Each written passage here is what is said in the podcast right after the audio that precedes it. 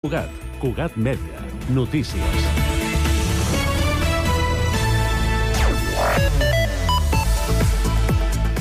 Salutacions. Sant Cugat compta des d'aquest mandat amb un comissionat eh, per a les persones amb discapacitat. Aquesta nova figura està encapçalada per Ferran Felius. Fins fa poc era el president de l'entitat Acompanya'm i que ha sigut el responsable de fer créixer la celebració del 3 de desembre, Dia Internacional de les Persones amb Discapacitat. Tota una setmana d'actes per visibilitzar aquest sector de la població.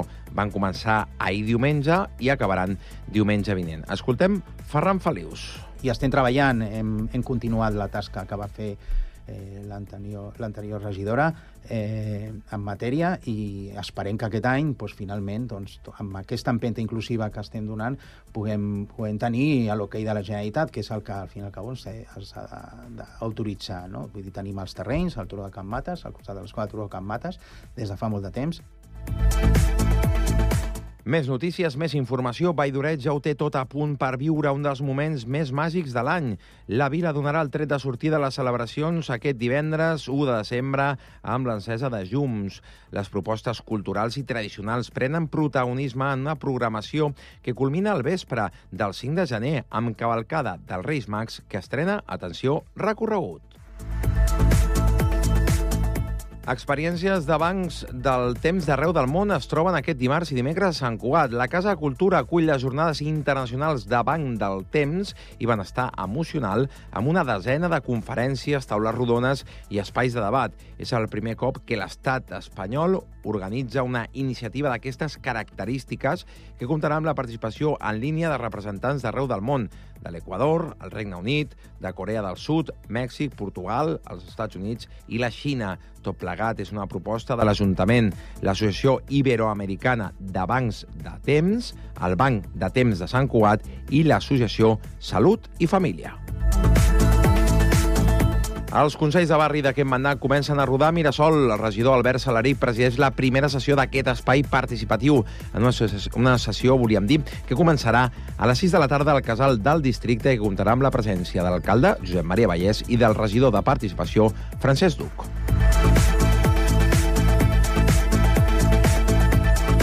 I en clau esportiva destaquem que el primer equip femení del Club Rugby Sant Cugat ha guanyat 37-17 l'Olímpico de Pozuelo en la segona jornada de la Lliga Iberdrola de rugby. Les blau i negres es refan de les dues primeres derrotes de la competició lliguera amb un triomf carregat d'emocions, on les locals han assolit un triomf de prestigi.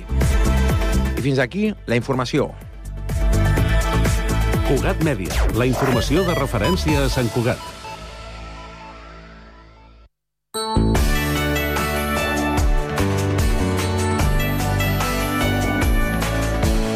Ràdio Sant Cugat, Cugat Mèdia, 91.5 FM.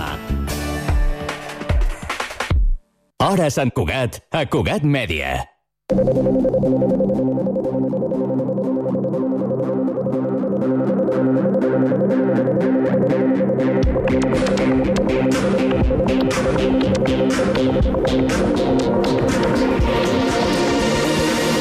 Thank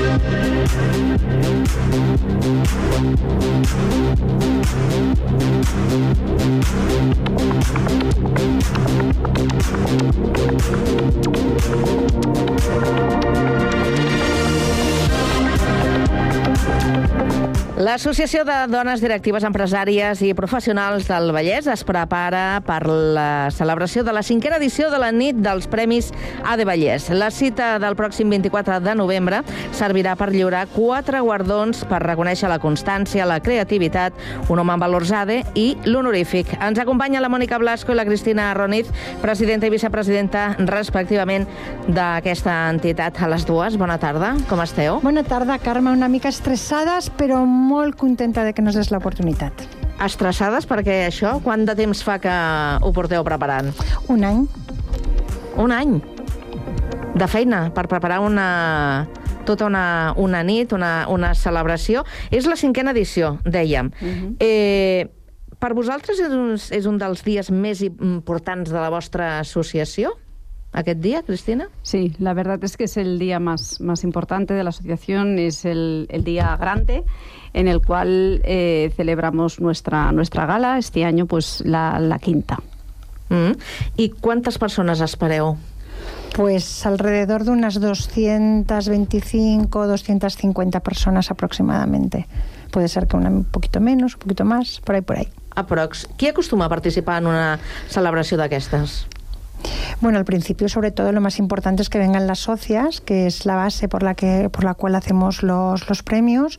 Eh, intentamos que el mensaje haya llegado eh, totalmente a, los hombres que les acompañan, que son sus parejas, sus mm, hijos, eh, no sé, la sociedad en general y sobre todo vienen ahora desde hace ya, desde la primera edición, nos apoyan los diferentes ayuntamientos y las distintas instituciones, como pueden ser eh, PIME, con las, o las diferentes cambras, las áreas metro, el área metropolitana, la Diputació i los distintos ayuntamientos que conforman el, el Vallès. I, per tant, espereu VIPs en aquesta celebració, representants de totes aquestes institucions? Sí, eh, bueno, la verdad es que se ha convertido, yo creo que en un acto referente y, y social aquí en, en, San Cugat. Van a venir, eh, bueno, pues la, mayor, la mayoría de los alcaldes de tanto de, de San Cugat, de, de, las diferentes poblaciones de, de aquí del, del Vallés.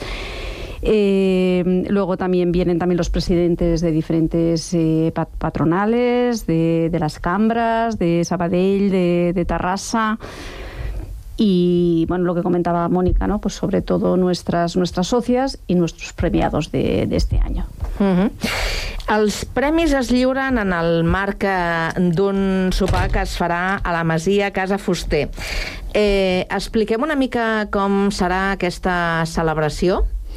Bueno, hemos cambiado de ubicación también porque son socios, eh, bueno, socia en este caso, eh, la, la, una de las dueñas de la, de la Masía Casa Fuster y vamos intentando repartirnos por los diferentes espacios de las socias, ¿no? Y en este caso tenemos tres socias con tres espacios emblemáticos aquí en, en San Cugat. Lo hemos hecho siempre en, en la Masía de, de Canameller y este año pues toca, toca aquí. Y, bueno, lo que intentamos es hacer un acto festivo, algo, un, evento, una cena de gala que, la, que los invitados y las socias compartan, que haya un buen networking, que, sea un ambiente, en un ambiente distendido. Es un viernes, con lo cual ya es un viernes que ya hemos acabado la semana, al día siguiente no tenemos que, trabajar. Y lo que empezaba siendo que a las 11 de la noche las personas se iban, aquí en esta fiesta, eso es la una y pico, y, decimos, bueno, es que no tenéis casa, ¿o qué? I escolta una cosa, hi ha alguna novetat respecte de les anteriors edicions? Bueno, es que en, el, cada, en el format. Es que cada año cambiamos los, los formatos, ¿no, Cris? Sí, cada año cambiamos un poquito los formatos, lo que pasa que es un poco sorpresa. ¿Eh? Ah, que no, no, podem avanzar. No podemos explicar según qué cosas. ¿eh? Un poquito sorpresa. A ver, lo que sí todos los años hacemos es, lógicamente, pues la, lo que sería pues la, la entrega de, de, los premios, en el que, bueno, pues hay unos vídeos en los cuales pues los premiados se presentan, luego, pues bueno, recogen el premio y también, pues bueno, dicen eh, unas, unas palabras, pero luego eh, cada año un poquito pues hacemos cositas diferentes que no podemos mm. desvelar. Para que no sean unos premios al uso, nosotras, sí. eh, la, la, Junta, intentamos eh, poner en marcha toda nuestra creatividad para que sean diferentes. Entonces, cada año, como también tenemos más dinerito y más patrocinios, podemos hacer cada vez más cosas.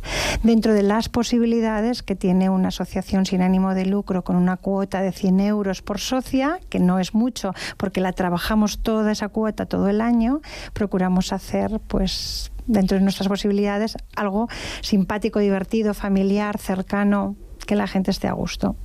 I que no podem desvetllar, que no podem explicar. El que sí que podem explicar eh, són eh, els, els premis i qui s'ha fet eh, eh, un guanyador o mereixedor d'aquests guardons que, que lliurareu el dia 24 de novembre. El Premi a la Constància eh, aquesta vegada és per la Montserrat Penyarroia. Sí. De, de, de qui es tracta, en quin sector es mou, eh, per què aquest reconeixement? Mira, la Montse és sòcia pràcticament prácticamente desde el principio. La Asociación de Adevallés mm, este año hace 11 años de, de vida y Monse es socia desde prácticamente casi desde, no te diría desde el principio, pero, pero para casi casi. Ella, se, ella es una, una mujer que, que sobre todo se traba- trabaja lo que son todo el tema de negocios digitales y la transformación digital. Ella es graduada en turismo, que tiene un posgrado en comercio exterior y en marketing internacional y actualmente es la directora de su propia empresa, que es Cuadran Alfa, que es una empresa de consultoría que está especializada en la digitalización de negocios y de marketing y es mentora en startups eh, y es socia fundadora también de empresas de com- como es la de comercio digital y, luego ah, colabora con la agencia catalana de, de turismo o sea que la verdad es que es una mujer absolutamente extraordinaria Una altra de les guardonades és la Núria Infiesta, que mm, rebrà el Premi a la Creativitat. Explica'ns, Cristina. Sí. Eh, bueno, Nuria, eh, bueno, sobre todo es considerada una mujer que tiene una gran capacidad, sobre todo para, para, para emocionarse. Trabaja mucho dentro de lo que sería pues el sector de, dentro del cuidado de las personas eh, mayores. Es la directora ejecutiva y fundadora de Yasit Robotics. Eh, Esta empresa tiene como objetivo apoyar, apoyar a proyectos sanitarios y sociales a través de la tecnología y a través de soluciones basadas en el uso de diferentes tipos de, de plataformas, desde robots sociales hasta dispositivos de voz inteligente. Entonces, bueno, sobre todo lo que están intentando es poner la tecnología, pues, eh, Al servicio, al servicio ¿no? de las personas de las mayores. personas mayores, ¿no? Entonces Ujú. trabajan con, con robots.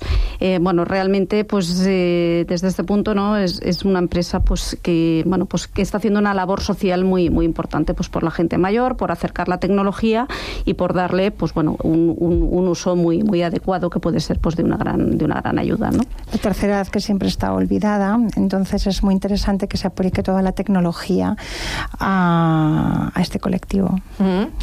Anem al tercer dels eh, premis. Premi a l'home amb valors ADE, que aquesta vegada recau en Antonio Delgado.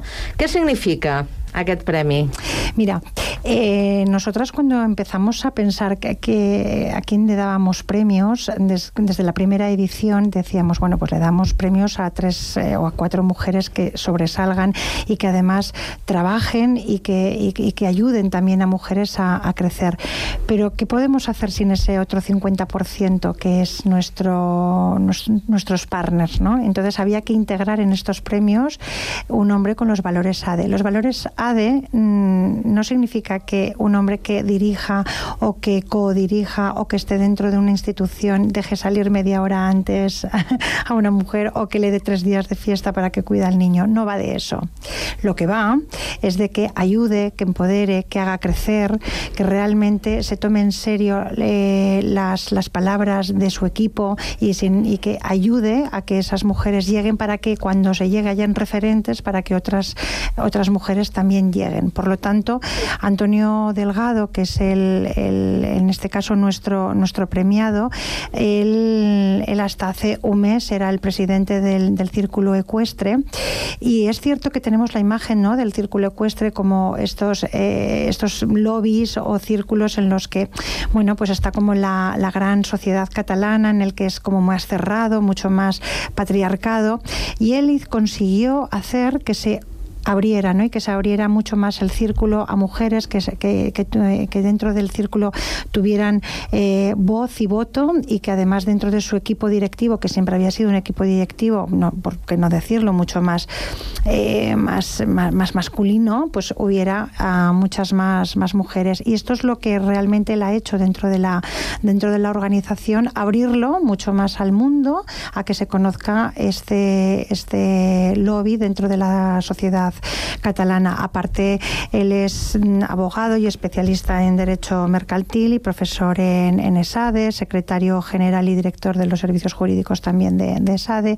Y, y bueno, pues eh, no sé, es una persona muy entrañable. Yo creo que, que os gustará conocerla. I per últim, el Premi Honorífic a Josi Enansaez. Bueno, a ver, eh, Cristina me dice, dilo tú, dile tú, me lo está diciendo ahora. Al final luego terminarás hablando tú más, ¿eh? Pero ¿sabes por qué lo dice Karma? ¿Por qué? Porque yo tengo una relación muy especial con, con Yoshi. ¿Ah, sí? Sí, sí. eh, yo propuse a Yoshi, entonces como mm, cuando se proponen los premios de las personas honoríficas, quien lo propone se, se inhibe para que sean luego las personas de la Junta quienes voten si es, si es apta o no es apta. Yo en este caso me inhibí también porque además tenía una relación personal con ella. Mira, Yoshi es una histórica feminista eh, de toda, o sea, gracias a ella tú y yo y Cristina y todas las oyentes podemos hablar en voz alta con libertad porque ha ayudado a que nosotras tengamos una, una voz. Ella tiene en estos momentos 70 años y tiene una trayectoria profesional absolutamente espectacular y toda su vida se ha dedicado, aparte de la enseñanza, que era su profesión, se ha dedicado a ayudar a mujeres dentro de los colectivos asociativos. Por lo tanto, es una mujer con un recorrido absolutamente extraordinario en el que creo que la asociación mm, le ha dado un reconocimiento a su trayectoria honorífica, creo que más que merecido. déu nhi Quatre perfils que, pel que ens heu explicat, doncs, eh, mereixen aquests premis que, que lliurareu el dia 24. Quantes associades teniu ara mateix a De Vallès? ¿Cuántas podemos tener? Unas Cris? 110. Más o menos. Más o menos. I de quins sectors eh, formen part? Pues tenemos una diversidad eh, en cuanto a sectores y en cuanto a perfiles de nuestras socias, un- una diversidad enorme. Eh, bueno, tenemos desde, desde, desde abogadas, tenemos psicólogas, tenemos eh, coach, tenemos especialistas en comunicación, en marketing, consultoras de igualdad, Finanzas, financieras, Auditoras, auditoras, altas ejecutivas. altas ejecutivas. Bueno, tenemos la verdad unos perfiles muy, muy, muy diversos y muy enriquecedores todos. Uh -huh. I mm, a De Vallès, eh, si el nom ens pot eh, convidar a pensar que la gent que teniu forma part de, de la comarca, crec recordar que també teniu associades que són de Barcelona? Sí, porque había socias que en Barcelona no se sentían representadas por eh, algunos colectivos asociativos que hay, y los hay muy buenos, pero también va con, con el perfil de la persona. Eh, nosotras siempre decimos que tú te tienes que asociar a una asociación en la que tú te sientas identificada, que eso no significa ni que sea ni mejor ni peor, porque a lo mejor la nuestra no es la adecuada para, para otra. Eh, tú te tienes que sentir como que tus valores están alineados con esos otros valores. ¿no? Entonces, claro, tuvimos que ampliar estatutos para que pudieran venir eh, mujeres de, de Barcelona a nuestra asociación y es muy chulo. Muy xulo. Abans ho deies, Mònica, és la onzena edició. L'any passat va ser una edició especial perquè coincidia amb el desè aniversari, que ja és un, és un aniversari que ja, ja parla del recorregut, de, de la consolidació d'una entitat com, com la vostra. Com eh, veieu eh, a De Vallès en un futur? ¿Cómo la ves tú, Cristina? Pues yo la veo siento cada vez eh, más importante dentro de, las asociaciones de mujeres directivas y empresarias. Con una buena reputación, cada vez tenemos eh, más socias. Eh, cada vez, mmm, un poco lo que comentaba antes Mónica, ¿no? Cada vez las, las, socias se sienten más a gusto, cada vez ¿no? están como más, más unidas. Eh, cada vez también comparten negocios, proyectos, que te vas enterando que entre las socias van haciendo proyectos compartidos. Creo que somos un referente de asociación de, mujeres aquí en, en, en, San Cugat, cada vez más también en todo, en todo el, el Vallés y cada vez estamos haciendo proyectos más, más importantes, más interesantes. También desde la asociación, pues eh, intentamos, eh, bueno, pues repartir los proyectos y que sean nuestras socias realmente las que las que realicen y ejecuten esos esos proyectos. Eh, estamos dando más visibilidad cada vez más a las socias, potenciando, pues eso, la igualdad en el mundo tanto en el mundo empresarial, laboral, como a nivel social. Y, bueno, creo que, que, estamos creciendo y que estamos eh, desde la Junta muy contentas de estar donde estamos y de seguir en, en un futuro en, en ese camino un camino de crecimiento. O sea, yo lo situaría en eso, en un camino de crecimiento y siendo un puntal de referencia para, para, las diferentes instituciones y para los distintos ayuntamientos que cuando quieren hacer ponencias, mesas redondas o te llaman de las diferentes radios, como es la vuestra, o las diferentes eh, televisiones, pues nos, nos llaman pues porque necesitan perfiles como, como los que te ha dicho antes Cristina, porque tenemos muchos allí dentro. Doncs, eh, senyores Mònica, Cristina, que vagi molt bé aquesta celebració, la cinquena nit dels Premis AD Vallès i 11 anys ja de, de vida. Segurament que teniu molts més per complir. Que vagi molt bé. Gràcies, Carme, per l'oportunitat. Gràcies. Bona tarda. Gràcies. 24 de novembre, la Masia Casa Fuster a les 8 del vespre. Encara hi ha oportunitat sí. per apuntar-s'hi. I tant, www.advallès.cat. Gràcies. Bona tarda. Thank you.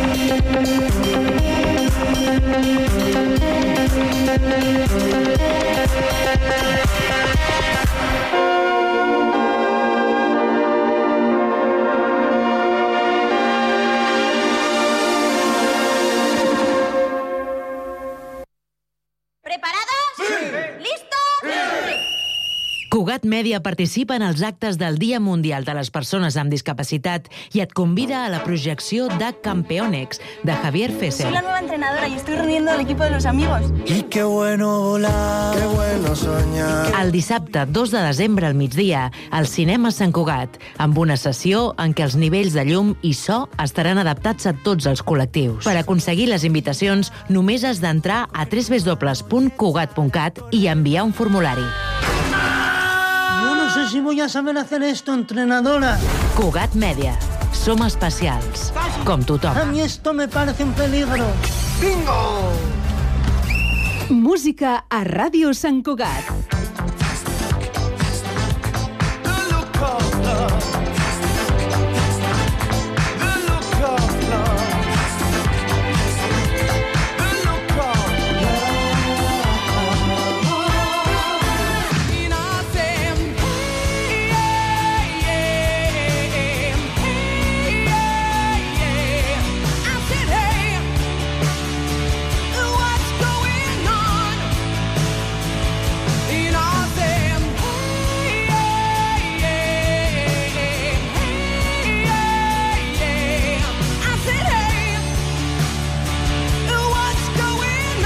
Gaudeix de la música amb nosaltres.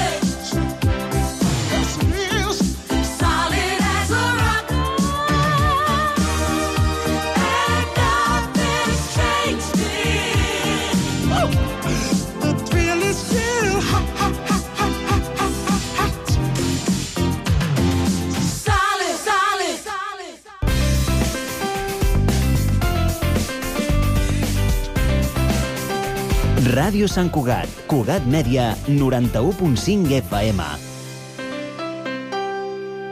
Hora Sant Cugat, a Cugat Mèdia. Continguts en xarxa.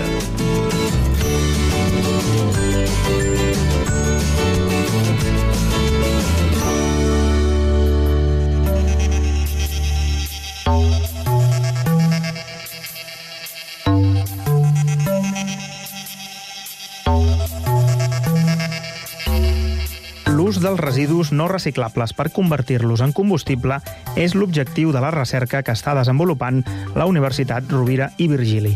Aquesta Universitat de Tarragona participa en el projecte VAL 2H2, coordinat per l'empresa Soriguer, que té l'objectiu de desenvolupar tecnologies que permetin l'aprofitament de residus de difícil gestió en forma d'hidrogen renovable. En parlem amb Francisco Medina, investigador catedràtic del Departament d'Enginyeria Química de la URB i director del Centre Tecnio Amic, aplicacions mediambientals i industrials de la catàlisi. Benvingut. Molt bé, gràcies. Uh, quin, quins tipus de residus es poden transformar en combustible?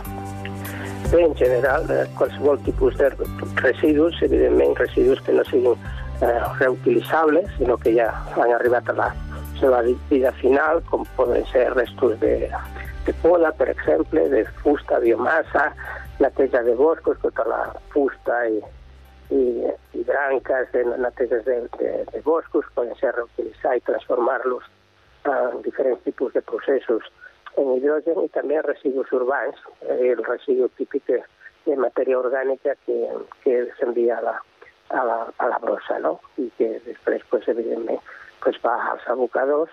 Aquest tipus de residu també té material que és interessant per poder fer transformar en hidrogen. I qualsevol altre tipus de residus, també, per exemple, residus plàstics, també es poden utilitzar i també transformar-se finalment en, en hidrogen. Molt. Aquests són els residus que bàsicament estem, eh, estem tractant en, en aquest tipus de projecte que va sobre la transformació d'aquest tipus de residus a la transformació d'hidrogen verd. Uh -huh. quin, ara li preguntaré per quin és el procés, diríem, que, que, que passa diríem, aquest, aquest residu fins a ser hidrogen, però per la gent que no ho sàpiga, quin ús se'n fa de, de l'hidrogen, és a dir, en tant que combustible, eh? és a dir, en quins usos es podrien fer servir o es poden fer servir?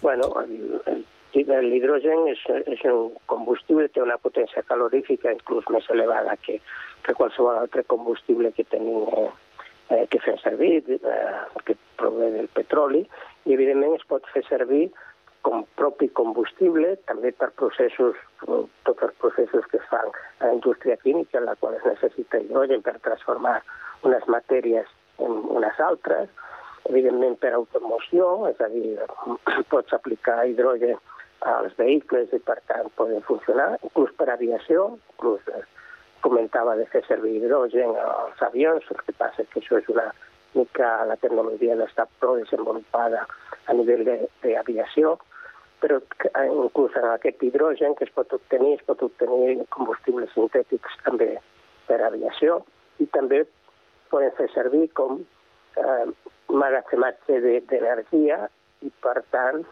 transformar en altres substàncies, eh, per exemple, amoníac, metanol, etc etc. i també pues, produir electricitat a través de piles de combustible.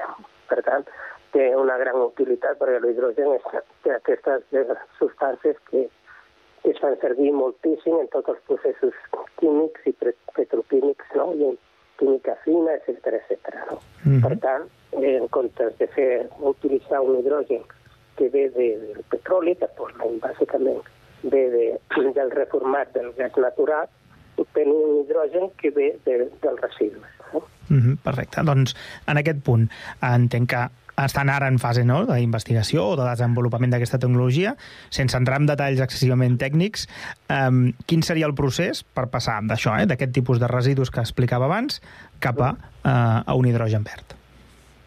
Bé, eh, llavors, eh, clar, eh, és, és un, un procés una mica més complex que, evidentment, el reformat de, del gas natural, que és quan passa de, de metà, no?, doncs fas un procés de, de tractament amb aigua a, a molt alta temperatura, que es diu reformat, i aquí s'obté, a partir d'aquí s'obté l'hidrogen. Aquí és un procés, evidentment, com ve de residus eh, naturals, eh, pues, que conté una gran quantitat, evidentment, d'altres substàncies, impropis i tot.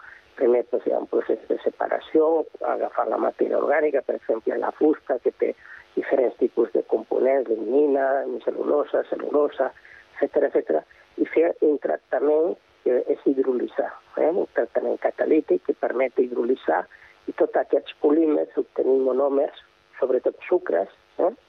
Eh la, la sacarosa, la xilosa, i aquest sucre després vindria un procés fermentatiu en el qual a partir d'aquest sucre s'obté etanol, eh? i a partir de l'etanol fer el reformat d'aquest etanol per produir l'hidrogen. I aquest seria, per dir així, el cicle que necessita per transformar aquests residus en, en hidrogen. No? Mm, molt bé, perfecte. Aquest, eh, aquesta tecnologia entenc que ara estan en fase d'investigació, no? És a dir, en quin punt es troben exactament perquè això pugui mm, algun dia ser, ser una realitat? Bé, eh, o sigui, les, les diferents eh, processos que t'he comentat abans, pues, evidentment estan alguns processos en, des del punt de vista de recerca a nivell de laboratori, però ja amb, amb, amb un nivell, per dir-ho així, el que nosaltres diem ITRL, ja elevat, i el que volem és en aquest, en aquest projecte fer un, un pilotatge de tots aquests processos per, evidentment, si el pilotatge funciona de, de la forma adequada, doncs ja se podria escalar fàcilment a, a nivell industrial. Hi ha, hi ha algun d'aquests processos, per dir-ho així, que estan eh, més contrastats, per exemple, l'últim de tot, que és el reformat, per tant, allà no hi ha cap problema des del punt de, del punt de vista de, de fer aquest reformat, la tecnologia està ben contrastada, perquè comentava abans que eh, l'hidrogen s'obté a través del, del reformat, no? per tant, això no, però els altres processos de separació de les diferents fraccions de, de la biomassa, transformació d'aquesta biomassa en sucres i després la fermentació és el que estem desenvolupant més a nivell de laboratori. No? I per tant, bueno, amb aquest conjunt de processos esperem pues, en aquest projecte de valoració cap a l'hidrogen de residus arribar pues, a una tecnologia pràcticament mm, que sigui, estigui basada ja a nivell quasi preindustrial, no? que és a partir del pilotatge aquest es pugui ja escalar a un nivell, a un nivell industrial. Mm -hmm. Molt bé. Um, entenc que tot el procés és completament verd, etc etc. no? És a dir, mm, o, o hi ha alguna part, diríem, que té alguna contrapartida o, o alguns costos, o que tingui costos elevats, o... és a dir, realment els beneficis són complets d'aquest procés si s'arriba al final? Bueno, els beneficis, evidentment, eh, qualsevol tipus de procés d'obtenció avui en dia d'hidrogen eh, sempre és més car que a partir del petroli. Això a partir d'aquesta base. Eh? Què passa? Que, bueno, ja saps que el petroli pues, és una matèria variable, el país, per exemple, no té petroli, per tant necessita d'adquirir aquest petroli externament i després té una incidència molt important sobre el canvi climàtic. Per tant, s'està investigant moltíssim en tenir, a partir d'aquests eh, residus, aquests recursos, transformar aquests residus en recursos per produir l'hidrogen.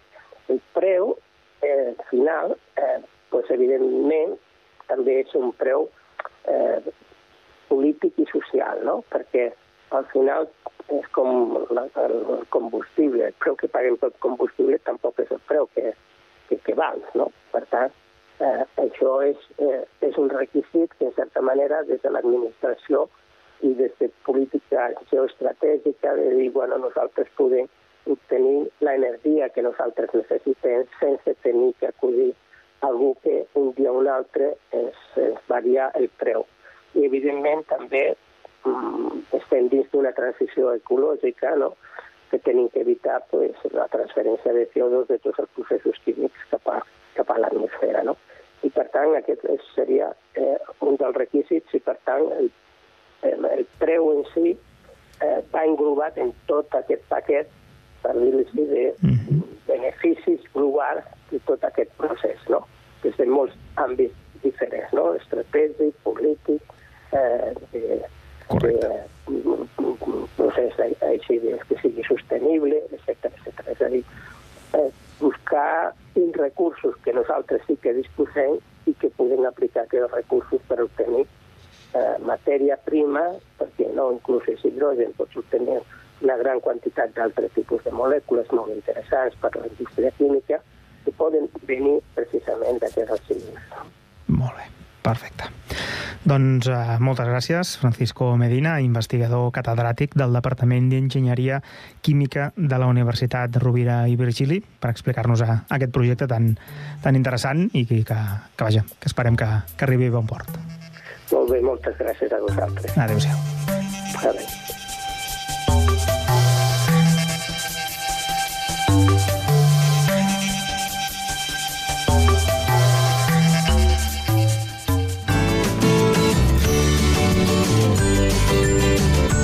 Continguts en xarxa.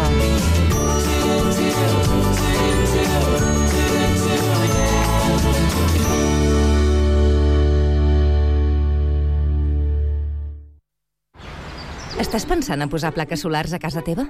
Doncs passa't a l'energia solar de manera fàcil i segura amb la teulada, experts en energia solar i el nou espai d'assessorament per a la ciutadania i les empreses. Informa't a la teulada arroba amb.cat o contacta'ns per WhatsApp al 645 725 465. La teulada és un servei de l'AMB finançat amb el Fons Europeu de Desenvolupament Regional. AMB, Metròpolis de Barcelona.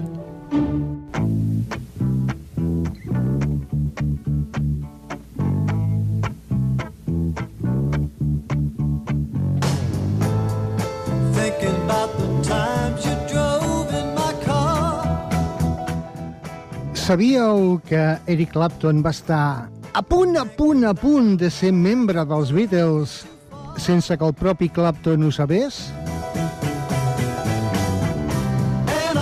Doncs tot això i molt més la música i les seves històries cada dissabte a les 5 de la tarda, després de les notícies, clar, al Club Tortuga de Ràdio Sant Cugat, al 91.5 de la FM, o a Cugat.cat.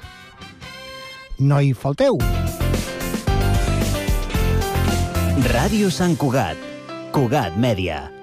Hora Sant Cugat és un contenidor radiofònic de continguts santcugatencs. Parlem amb David Vila, director d'Aigües Ter Llobregat, per parlar de la situació de la sequera actual i, en concret, sobre l'origen de l'aigua que consumim actualment a Sant Cugat. Benvingut a Cugat Mèdia. Hola, molt bon dia. Ens heu pogut facilitar les dades del, del consum d'aigua a Sant Cugat. M més que el consum, l'origen, diguem, de l'aigua que consumim i que ve d'aquest sistema Aigües Ter Llobregat. I, eh, evidentment, ens ha cridat l'atenció no, el percentatge d'aigua desalinitzada que ja, eh, direm, arriba a les llars eh, santcugatenques, no? que és un 11% del total que, que, que subministra Aigües Ter Llobregat a, a Sant Cugat. Aquest 11% és molt, és poc, està en la línia del que s'està fent a l'àrea metropolitana, una miqueta per, per saber en quin punt estem. Les, les dates que ens surten de, de Sant Cugat són eh, lleugerament inferiors al que passa a, a l'àrea metropolitana.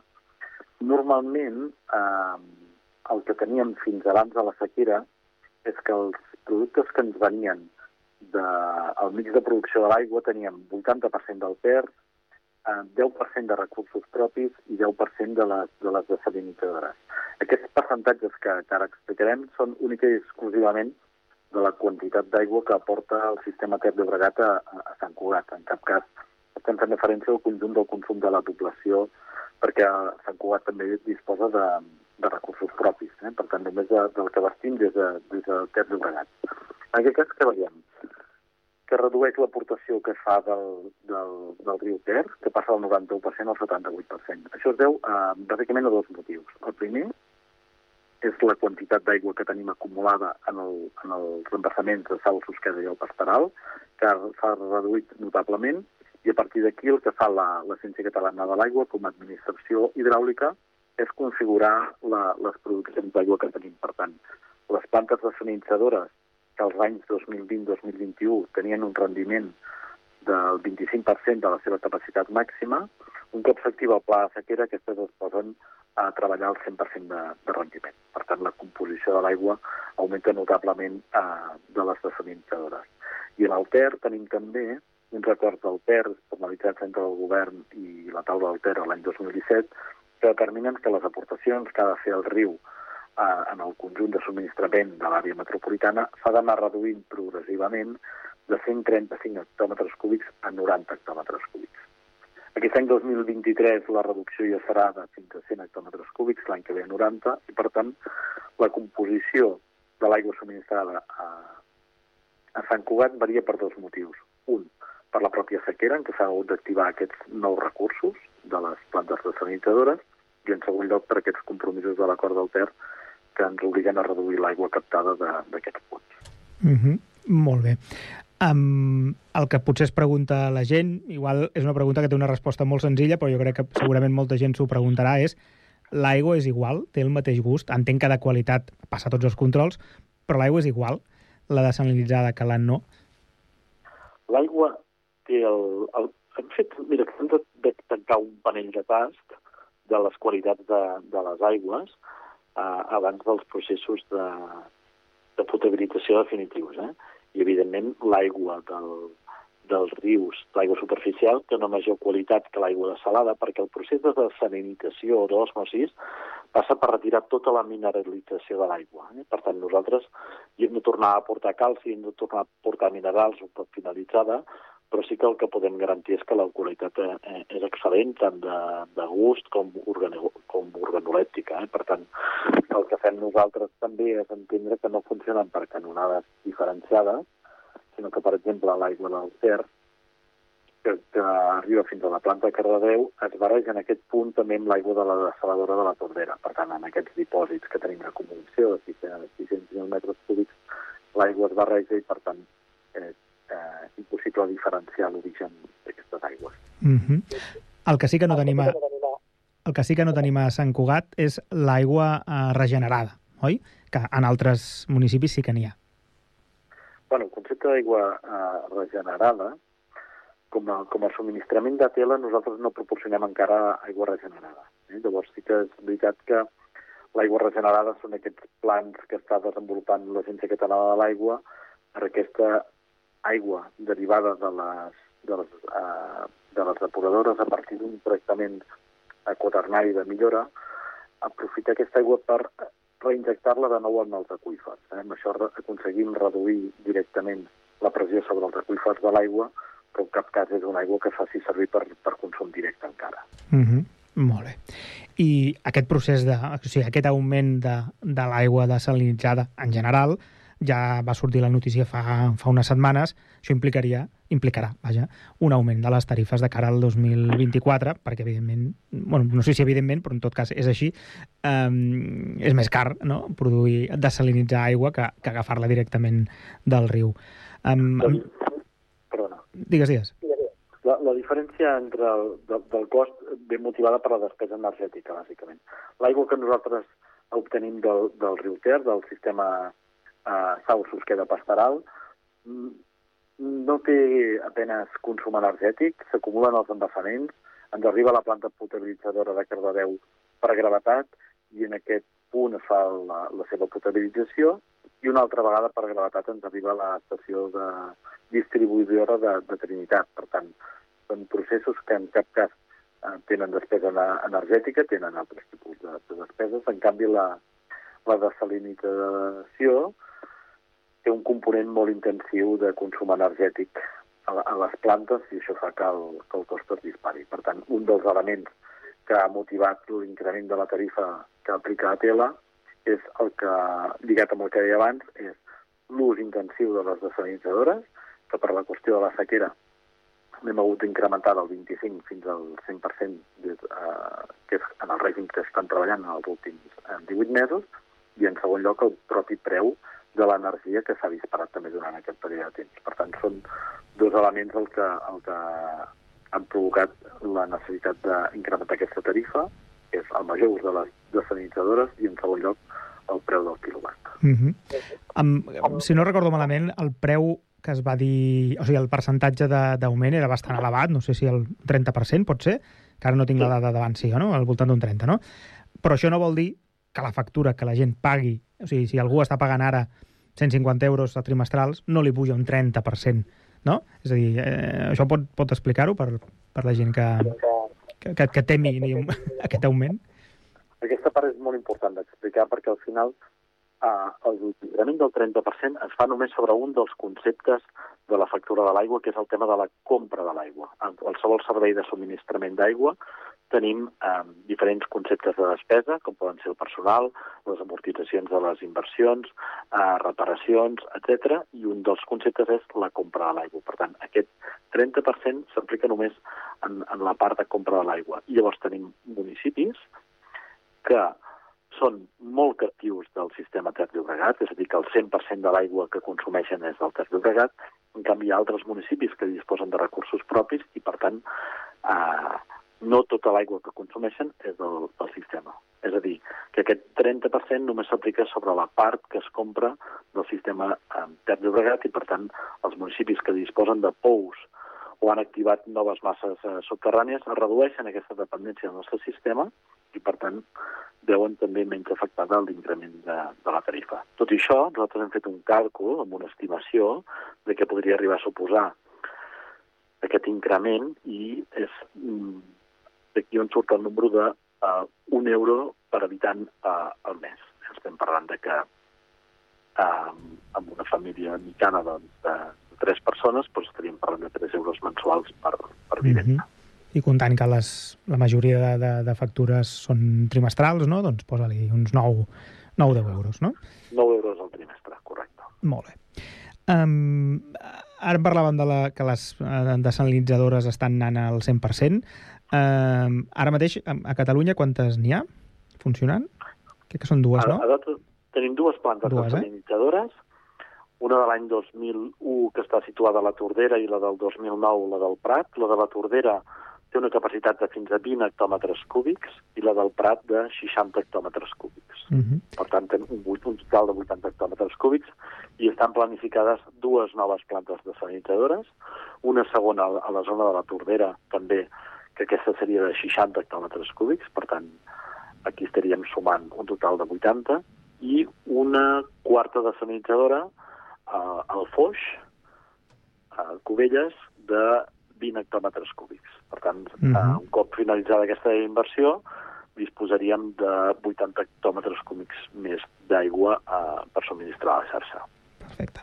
Perquè el, ara que miràvem les dades, no? de, tornant a les dades de Sant Cugat, que el 2020 i el 2021 el, diríem, rebíem el 0% d'aigua desalinitzada, això vol dir que segurament el 0% no tornarem mai més, no?, en general. És a dir, sempre hi haurà una, una part no? Del, de l'aigua que acabarem eh, sent desalinitzada, no?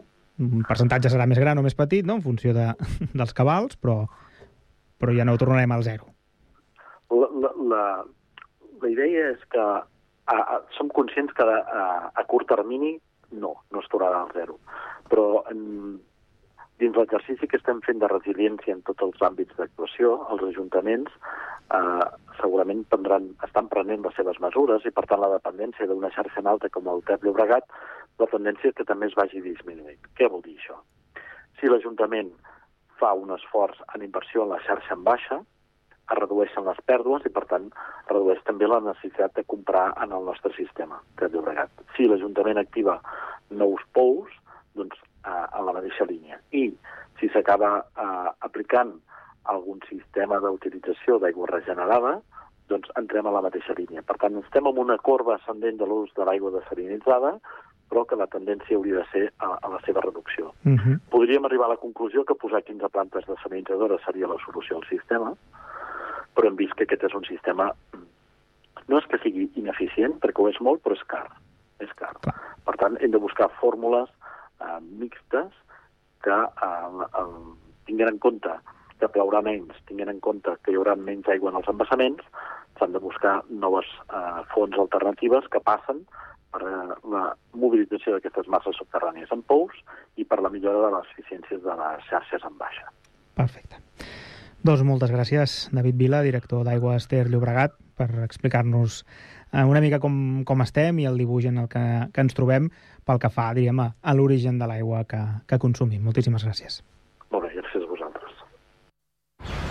Estàs pensant a posar plaques solars a casa teva? Doncs passa't a l'energia solar de manera fàcil i segura amb la teulada. Experts en energia solar i el nou espai d'assessorament per a la ciutadania i les empreses. Informa't a la teulada arroba amb.cat o contacta'ns per WhatsApp al 645 725 465. La teulada és un servei de l'AMB finançat amb el Fons Europeu de Desenvolupament Regional. AMB, Metròpolis de Barcelona.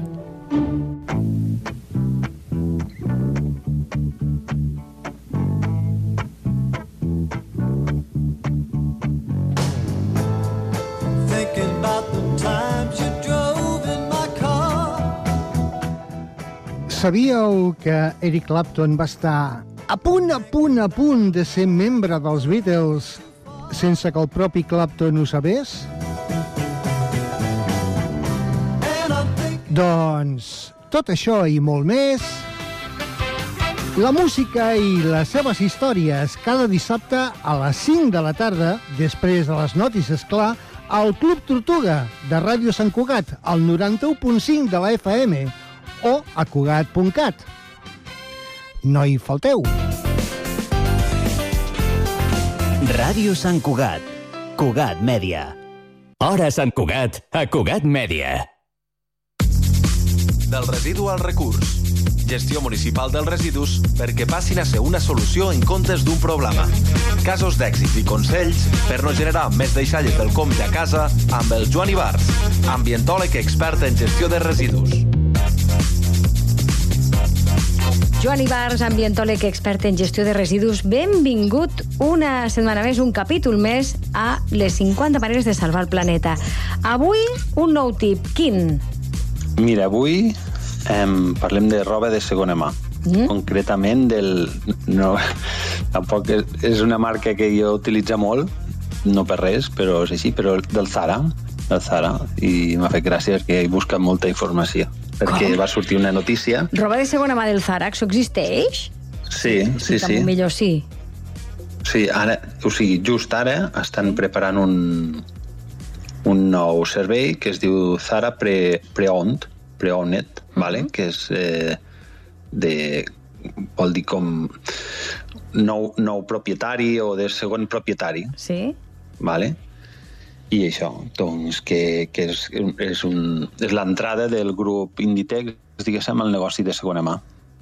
Uh -huh. Vale? El seu sí. objectiu és el, el de això, allargar, la, bueno, a part de fer negoci, m'imagino, doncs allargar la vida útil de les peces de roba, llavors complir els seus objectius de, també de sostenibilitat, economia circular, que, bueno, que també cada vegada, cada vegada el consumidor els demana més.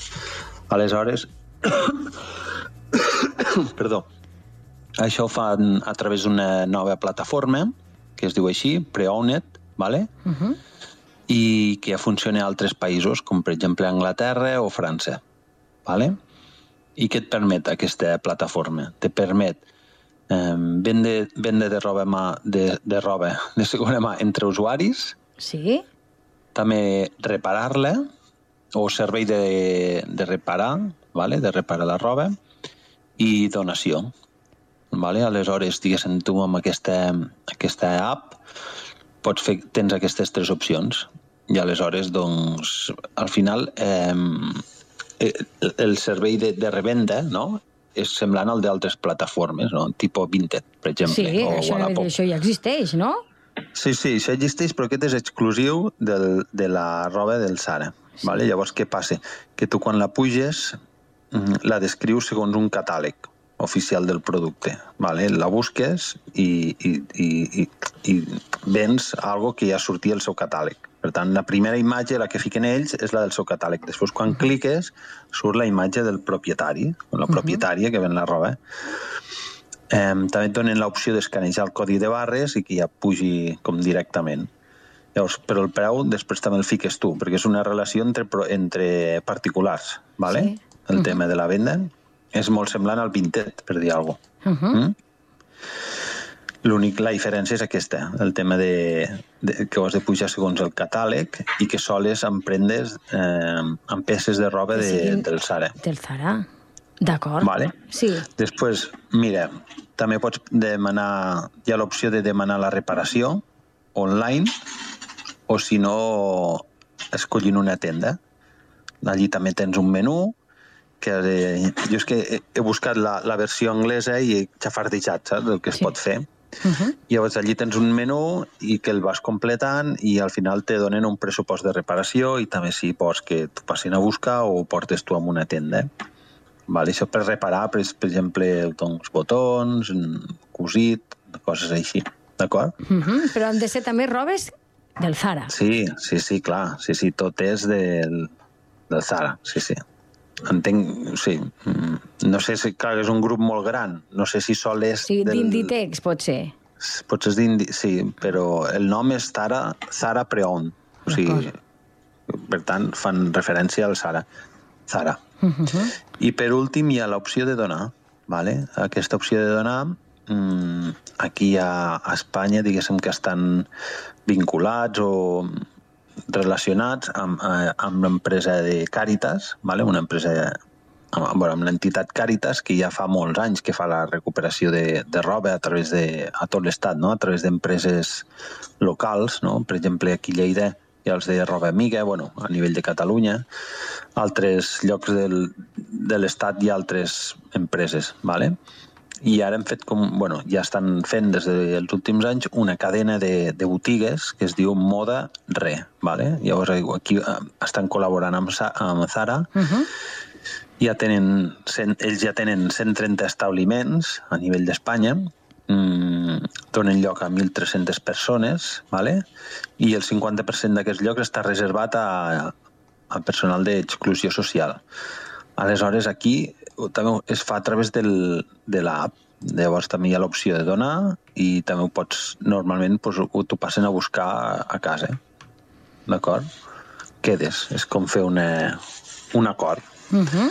Suposo que també ho pots portar a la botiga. En aquest cas, per exemple, la marca H&M també ho feien això. L'únic que no sé segur, no sé en qui estan associats o no sé si ho porten a, a reciclatge de tèxtil, ¿vale?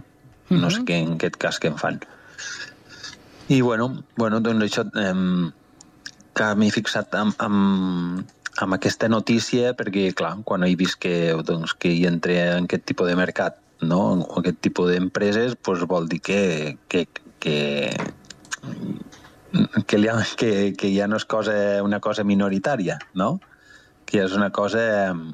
Mm, Que se sume al carro fins i tot, no? El grup Sí, Inditex. sí, que és una cosa ja global, sí, sí, global i que, i que si, si veuen futur, no? Llavors he buscat més informació de com funciona i com està aquest, aquest sector, no? Hi ha, a Espanya bàsicament hi ha dues empreses que, que ho fan a través d'internet, que és Vinted, que és la líder a, a Europa, i després una que es diu Mic Micolet, vale? que Mhm. està més, més especialitzada en peces d'alta qualitat. Bueno, això és el seu, el seu estàndard diferencial. I, bueno, i després també Wallapop, Mil Anuncios, al final també per aquí també es ven, ven roba, tot i que no són tan especialistes de roba, de, de roba. I bé, també he buscat informació, per exemple, del creixement no? del, del mercat, d'aquest mercat de, de segona mà, de roba, i diu, atenció, que el 2021 eh, es van es va arribar a facturar fins a 85 milions d'euros a nivell mundial, eh? però que el 2026 es, es creu que es doblarà aquesta quantitat i segons, segons el- l'estudi de, de l'entitat o l'empresa Consumer Trends, no? diu que el 2030 es vendran més coses de segona mà que de, que de moda fast fashion, de. Zara o H&M. Uh -huh. Per, per tant, Bona notícia en aquest sentit, no? Sí, en principi Bé. sí. Jo sé, també sempre dic, no? El, al final està bé recordar que, que pel tema de la gestió del tèxtil o la roba, el primer, lo, lo més important és evitar compres supèrflues, no? Evitar compres que no, de roba que no necessitem. Després, en, abans de, de consumir una altra vegada, intentar reparar, eh, prioritzar la reparació i després sí, buscar si no, la compra de segona mà que, que cada vegada és més interessant i hi ha més mercat. Uh -huh.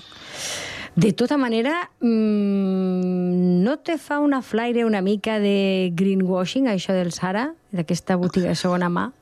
Bueno, mica, una eh, mica. Sí, sí, sí, a veure, mm, està clar que és la seva oportunitat per poder parlar de- d'economia circular i, i sostenibilitat i, i llavors, bueno, faltarà veure. Al final mm, serà, és una app que, que utilitzaran els usuaris, no? I per tant s'haurà de veure a finals d'any, no?, els informes anuals, quants quilos de roba eh, realment estan Mhm.